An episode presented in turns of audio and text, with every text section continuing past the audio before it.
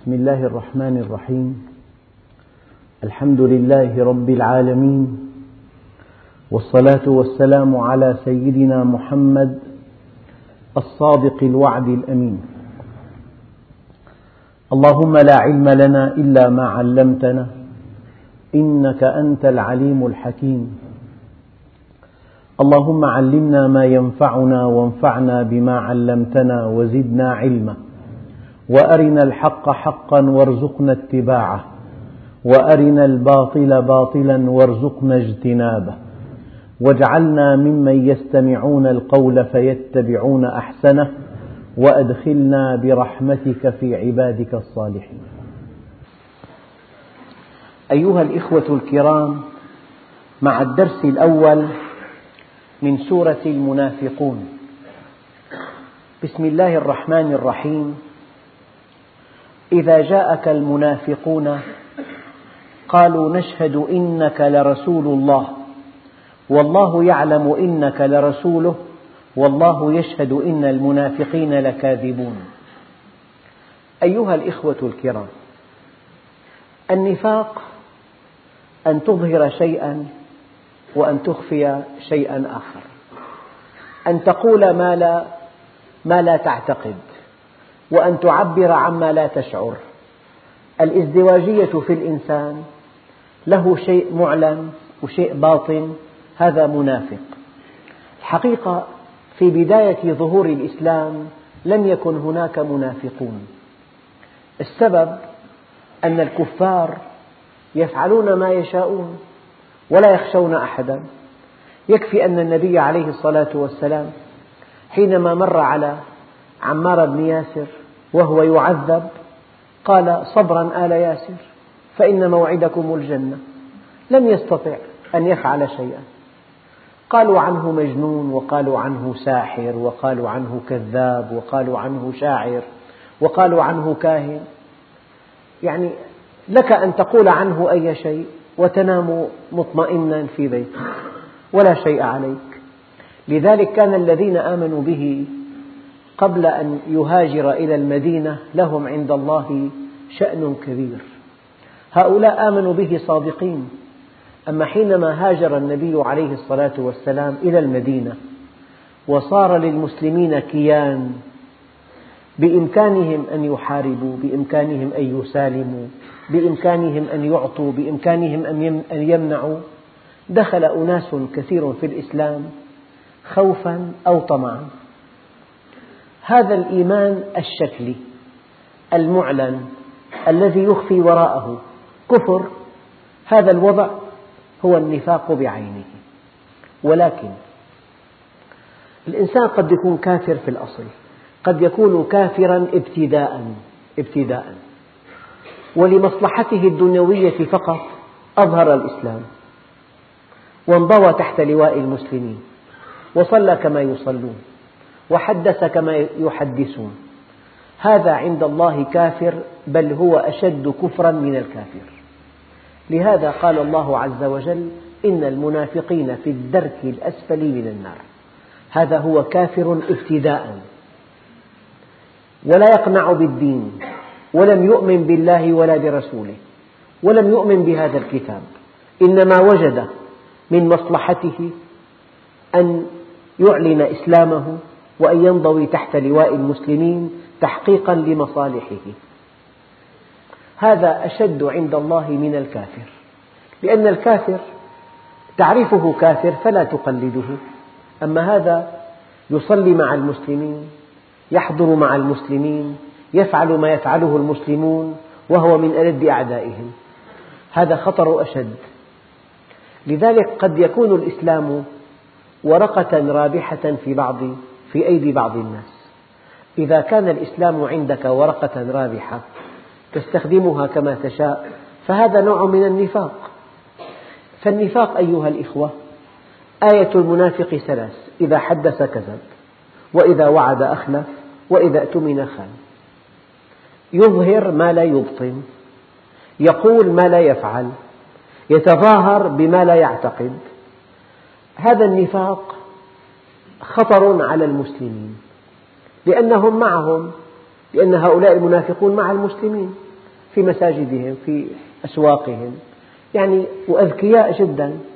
يعني تحسبهم مؤمنين وهم على خلاف ذلك. لذلك جاءت هذه السورة لتفضحهم.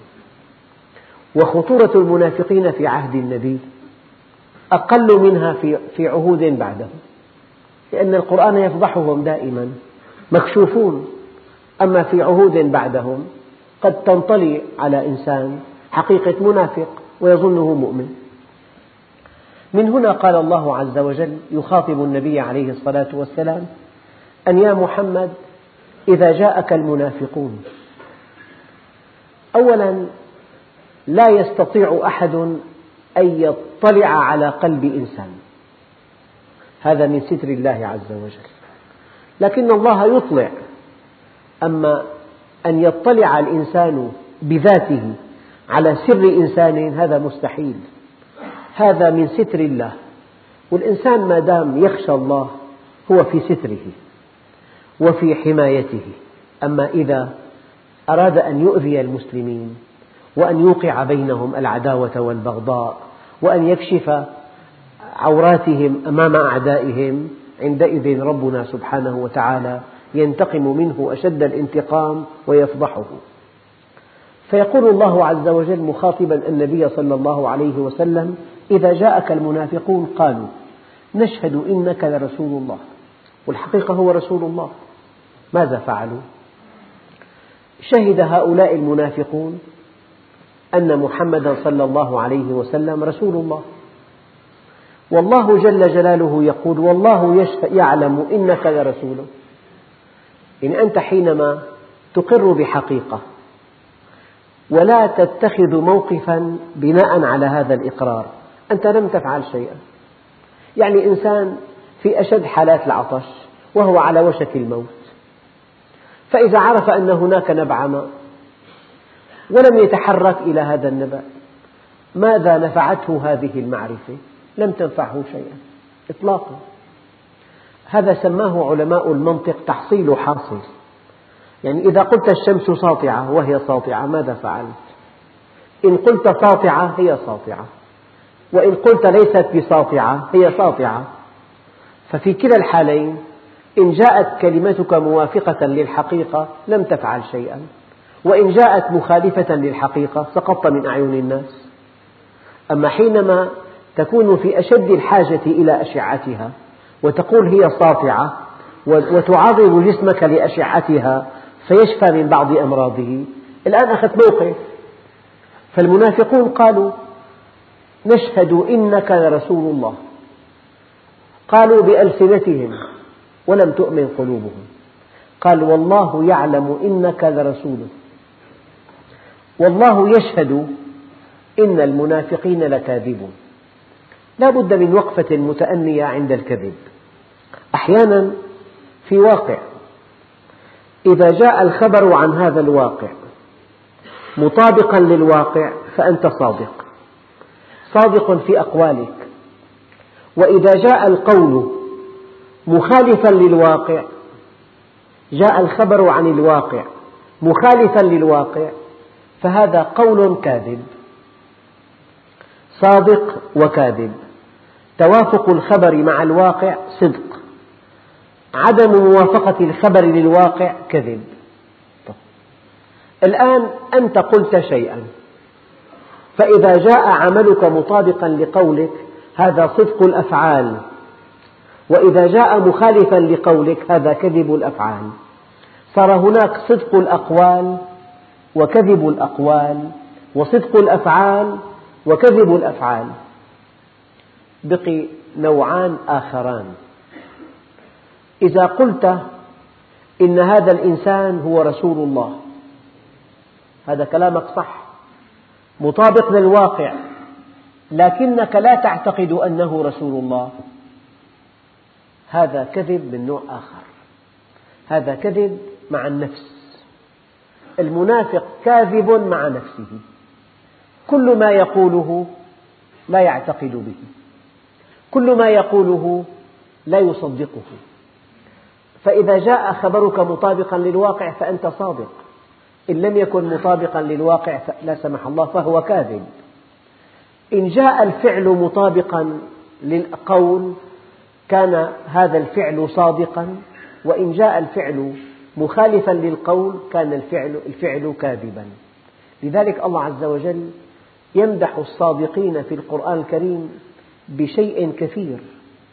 أي صدق هذا؟ صدق الأفعال.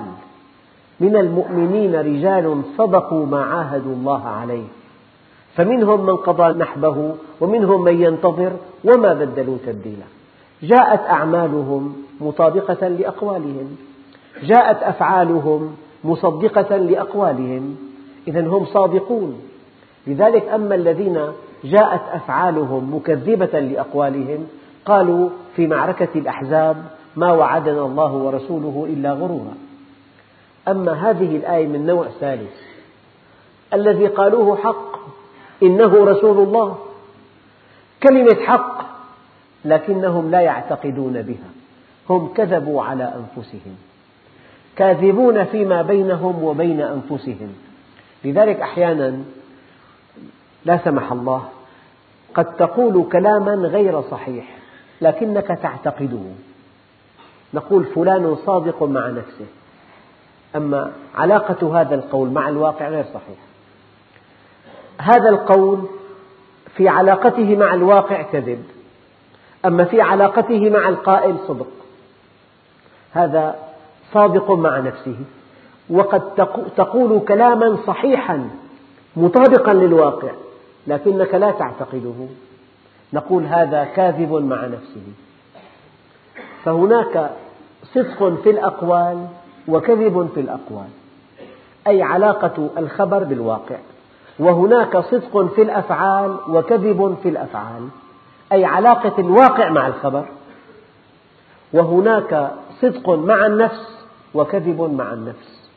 قد, قد تقول قولا غير صحيح لا علاقة له بالواقع لكنك تعتقد ذلك. أنت صادق مع نفسك وقد تقول حقا. وأنت لا تعتقد هذا الحق فأنت كاذب مع نفسك. ستة أنواع للكذب والصدق. والحقيقة لو جمعنا الآيات القرآنية التي ورد فيها الصدق والكذب لوجدناها كثيرة جدا.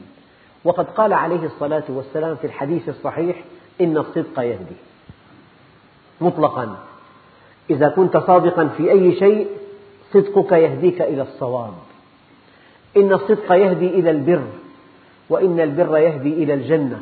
وما يزال الرجل يصدق ويتحرى الصدق حتى يكتب عند الله صديقا. وإن الكذب يهدي إلى الفجور وإن الفجور يهدي إلى النار. وما يزال الرجل يكذب ويتحرى الكذب حتى يكتب عند الله كذابا. والمؤمن لا يكذب لأن بين الكذب والإيمان تناقض أي أن الكذب ينقض الإيمان والإيمان ينقض الكذب. يطبع المؤمن على الخلال كلها إلا الكذب والخيانة. لمجرد أن يكذب المؤمن ليس مؤمنا. انتهى. المؤمن قد يقع في تقصيرات كثيرة لكنه لا يكذب. الكذب يتناقض مع إيمانه. لذلك احترم إنسان صادق مقصر ولا تحترم إنسان كاذب مدعي. أيها الإخوة الكرام أن يأتي خبرك مطابقا للواقع قضية سهلة جدا. لو الحرارة 35 قلت 35 كلام صدق هذا جاء الخبر مطابقا للواقع. لو حرارة 45 قلت 38 هذا كذب. جاء الخبر مخالفا للواقع.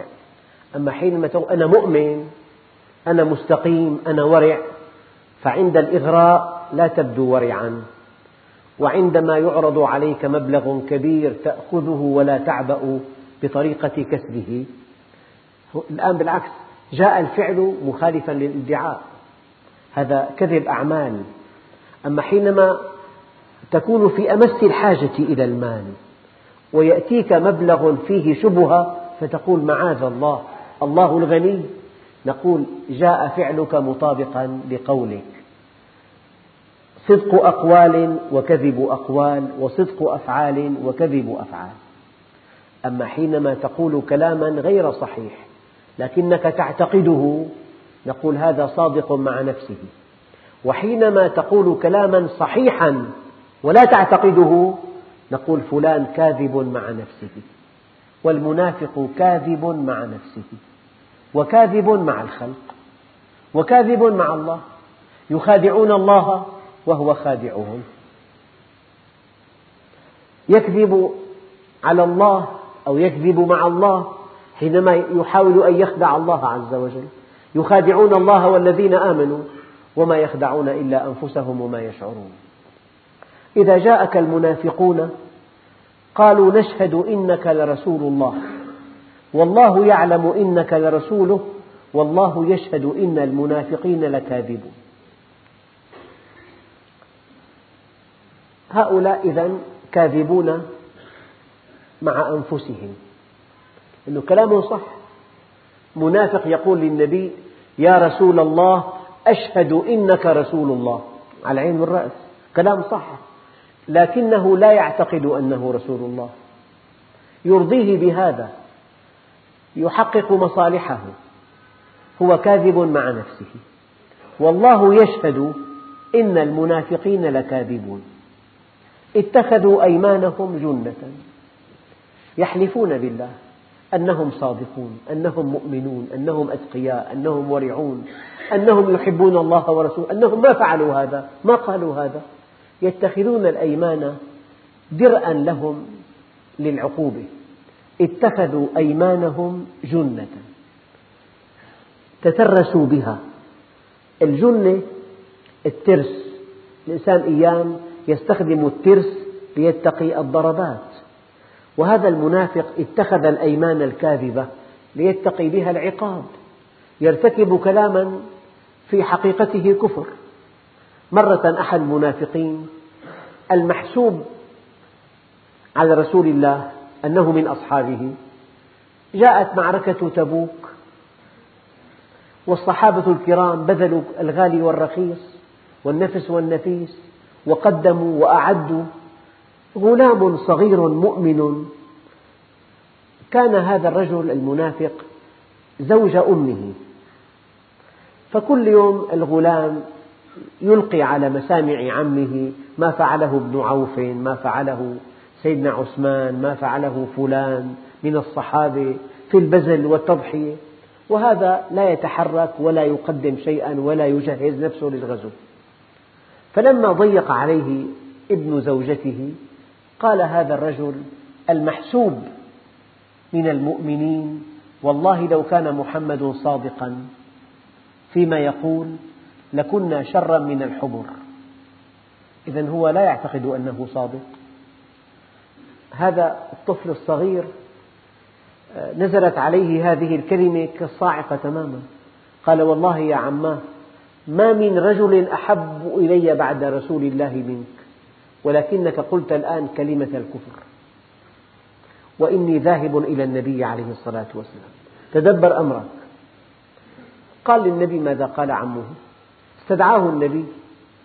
اتخذوا أيمانهم جنة. أقسم بالله العظيم أن, أن إن هذا الغلام كاذب. وما قال هذا إطلاقا؟ فنظر النبي إلى وجه الغلام فإذا هو محتقن. صار يبكي. سمعه بأذنه ثم يكذبه أمام رسول الله. وما هي إلا لحظات حتى جاءه الوحي. فلما سري عن النبي صلى الله عليه وسلم نزل قوله تعالى ولقد قالوا كلمة الكفر وكفروا بعد إيمانهم فإن يتوبوا يك خيرا لهم. فما كان من هذا الرجل المنافق إلا قال لقد تبت يا رسول الله لقد قلتها وأنا أتوب إليك. وحسن إسلامه وصار في عداد المؤمنين. أمسك النبي بأذن الغلام وتبسم وقال يا غلام صدقك ربك من فوق سبع سماوات. صدقك ربك من فوق سبع سماوات. فكانوا في عهد النبي يفتضحون. واحد آخر ذاك كافر. عمير قال والله لصفوان والله لولا أطفال أخشى عليهم العنت وديون لا أطيق سدادها. لذهبت إلى محمد وقتلته وأرحتكم منه فاتخذها صفوان مناسبة. قال أما ديونك فهي علي بلغت ما بلغت. وأما أولادك فهم أولادي فامض بما أردت سقى سيفه سما وركب ناقته وتوجه إلى المدينة ليقتل النبي عليه الصلاة والسلام. أما الغطاء الذي ذهب إلى المدينة من أجله ليفتدي أخاه. فلما رآه عمر في المدينة قال هذا عدو الله عمير جاء يريد شرا. قيده بحمالة سيفه وساقه إلى النبي. قال له النبي دعه يا عمر أطلقه أطلقه. ابتعد عنه ابتعد عنه. قال أد مني يا عمير دنا منه. اجلس جلس. قال له عمت صباحا يا محمد. قال له قل السلام عليكم. قال لست بعيد عهد بسلام, بسلام الجاهلية. هذا سلامنا. بغلظة. قال له ما الذي جاء بك إلينا؟ قال له جئت أفدي ابني فلان. قال له وهذه السيف التي على عاتقك؟ قال قاتلها الله من سيوف. وهل نفعتنا يوم بدر؟ قال ألم تقل لصفوان لولا ديون ركبتني لا أطيق سدادها وأطفال أخاف عليهم العنة من بعدي لذهبت وقتلت محمدا وأرحتكم منه؟ فهب واقفا وقال أشهد إنك لرسول الله. لأن هذا الذي دار بيني وبين صفوان لا يعلمه أحد إلا الله وأنت رسوله وأسلم. أما صفوان صار يقول انتظروا أخبارا سارة لأهل مكة وكان يخرج كل يوم إلى ظاهر مكة لينتظر الركبان تأتيه بالخبر السار قتل النبي عليه الصلاة والسلام. ثم جاء الخبر غير السار أن عميرا قد أسلم وحسن إسلامه. يعني الله عز وجل لا تخفى عليه خافية. أخواننا الكرام كلمة. الأمر كله بيد الله. ولا تخفى عليه خافية. فما جدوى الكذب؟ ما جدوى النفاق؟ الأمر كله بيد الله. ولا تخفى عليه خافية. الله جل جلاله لا تستطيع أن تخدعه. ونفسك التي بين جنبيك لا تستطيع أن تخدعها. والله ربنا ما كنا بك مشركين. قال انظر كيف كذبوا على أنفسهم.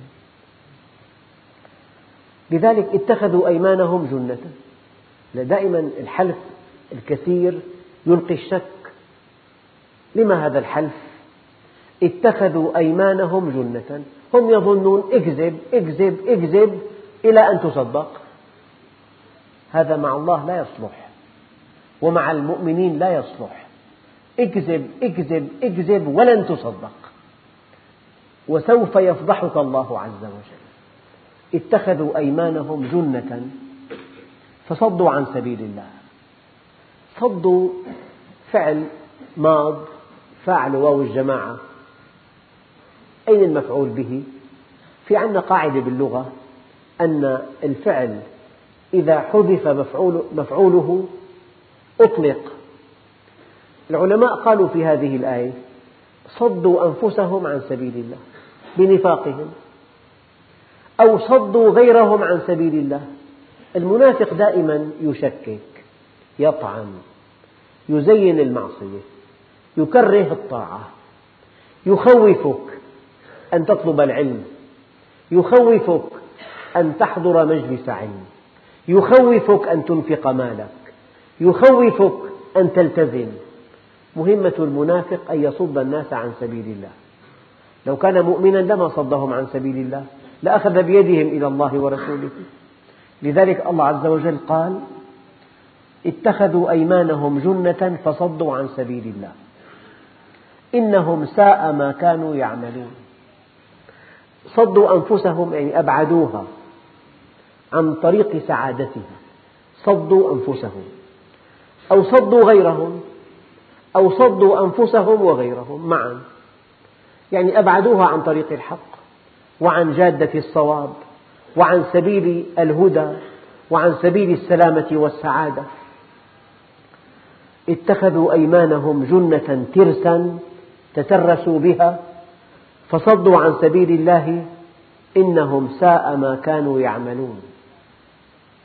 إن الذين كفروا ينفقون أموالهم ليصدوا عن سبيل الله فسينفقونها ثم تكون عليهم حسرة ثم يغلبون.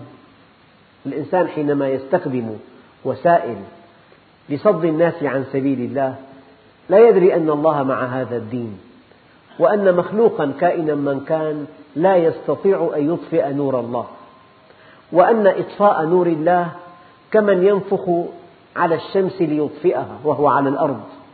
ليقف إنسان وليتأمل في الشمس ولينفخ عليها. هل تنطفئ؟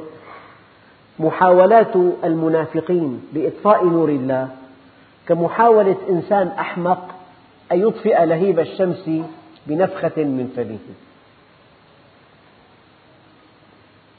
اتخذوا أيمانهم جنة فصدوا عن سبيل الله إنهم ساء ما كانوا يعملون. هؤلاء المنافقون أذكياء. وأصحاء. قال وإذا رأيتهم تعجبك أجسامهم. يعني يعتنون بصحتهم وبهندامهم وبحركاتهم وسكناتهم. قال وإذا رأيتهم تعجبك أجسامهم. وإن يقولوا تسمع لقولهم مثقفون يتفلسفون يشققون المعاني يأتون بالأدلة يعلقون تعليقات لطيفة يعبرون عن, عن إيمانهم وعن تقواهم وعن ورعهم وعن عقيدتهم. يعني الإنسان يغتر بهم. قال وإذا رأيتهم تعجبك أجسامهم وإن يقولوا تسمع لقولهم.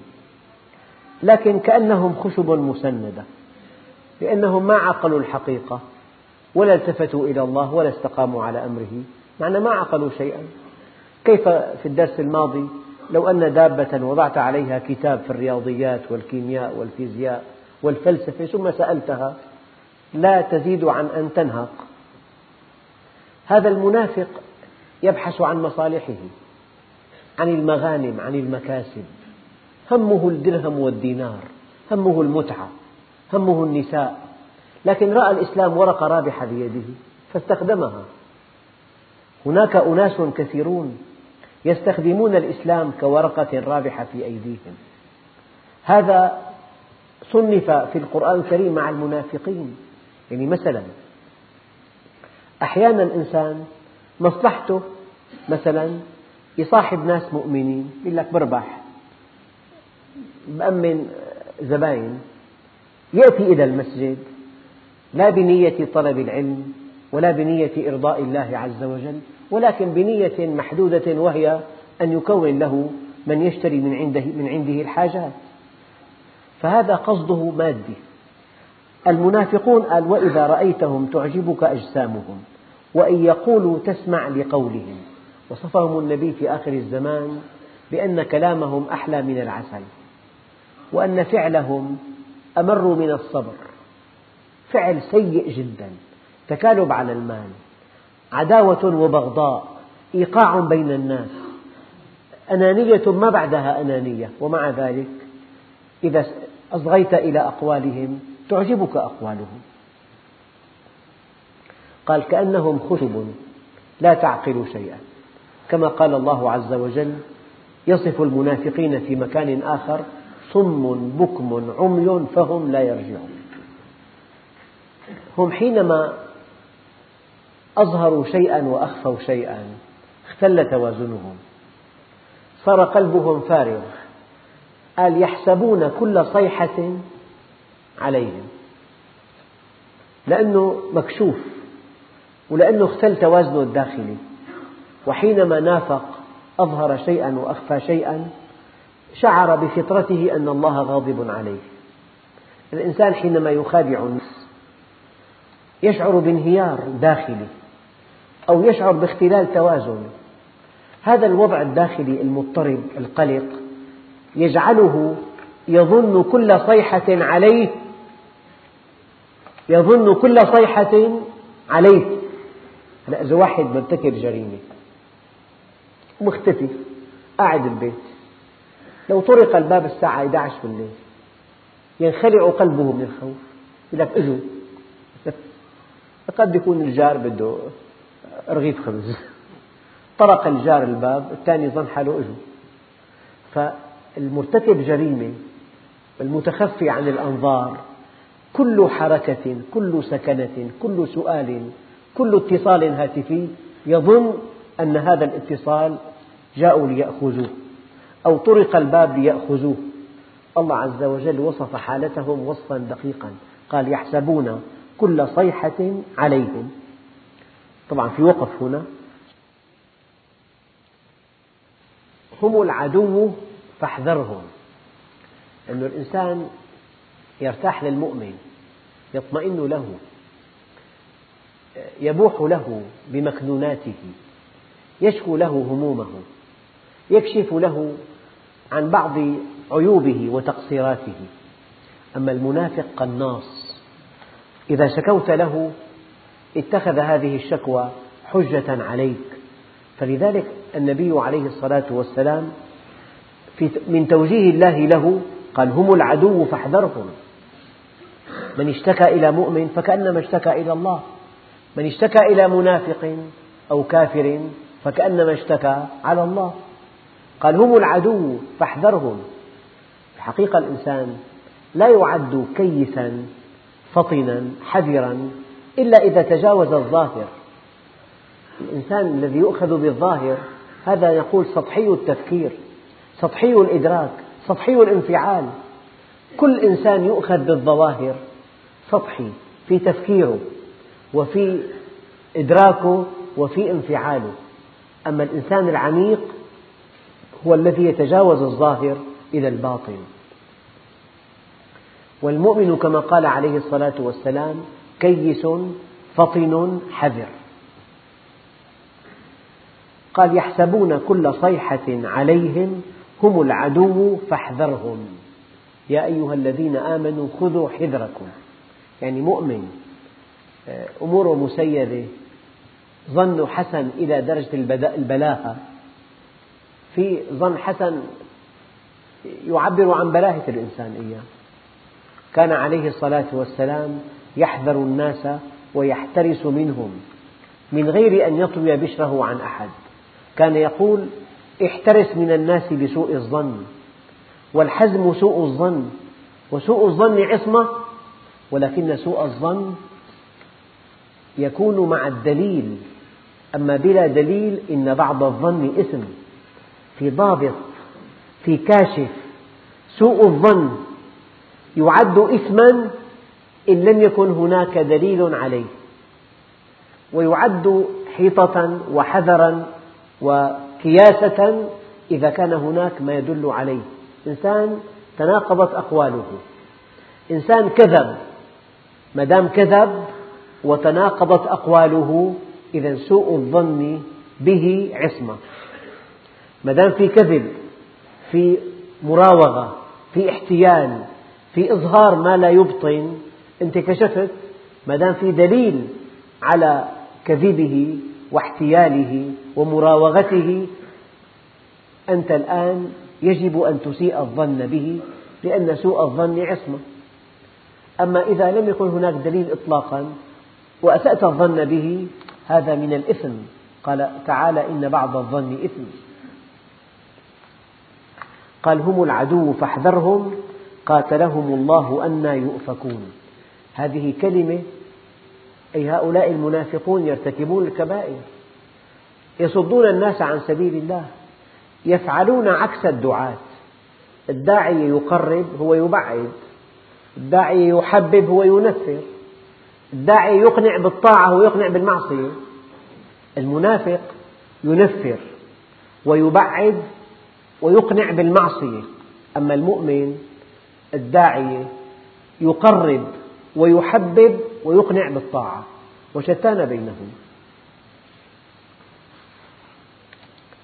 وإذا قيل لهم تعالوا يستغفر لكم رسول الله لووا رؤوسهم ورأيتهم يصدون وهم مستكبرون. يعني هم لا يعبؤون لا برسول الله ولا بمكانته عند الله ولا بالنبوة ولا بالرسالة ولا بهذا الكتاب العظيم. يستخفون بالدين كله بكل مظاهره وكل أشكاله وكل عناصره وكل العاملين به. استخفافهم لا يخفونه وإذا قيل لهم تعالوا يستغفر لكم رسول الله لووا رؤوسهم ورأيتهم يصدون وهم مستكبرون.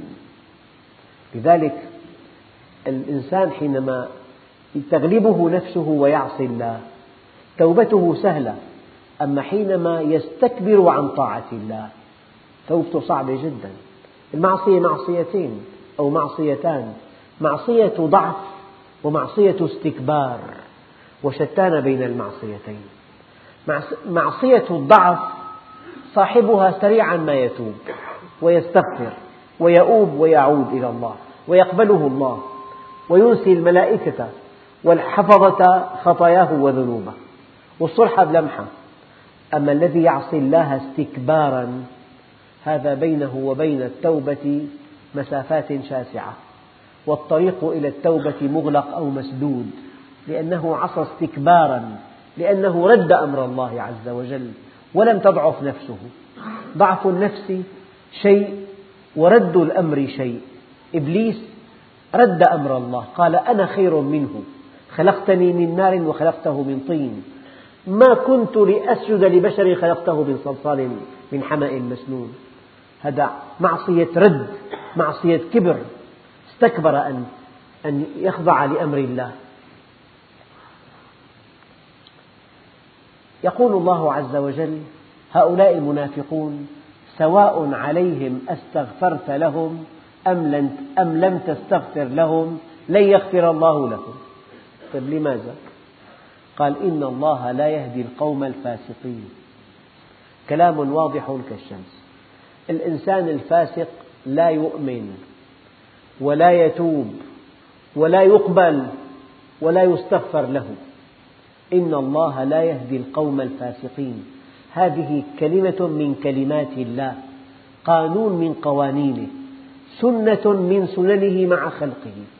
وكذلك حقت كلمة ربك على الذين فسقوا أنهم لا يؤمنون.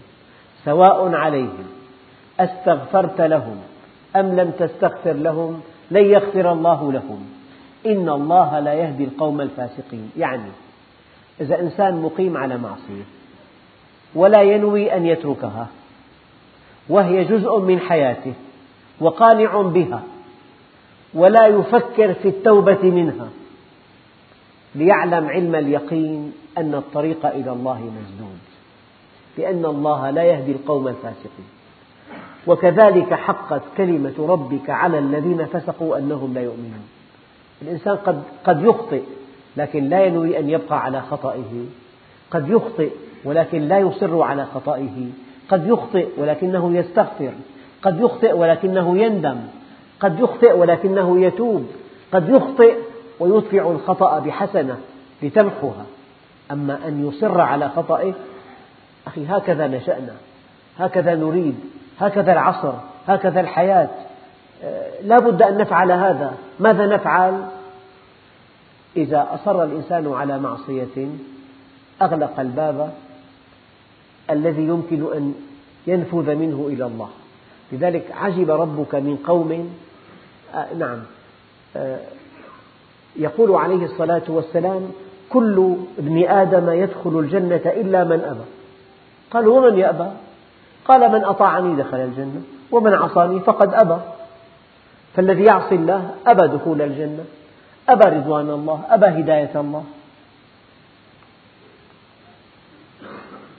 سواء عليهم أستغفرت لهم أم لم تستغفر لهم لن يغفر الله لهم إن الله لا يهدي القوم الفاسقين. والحمد لله رب العالمين.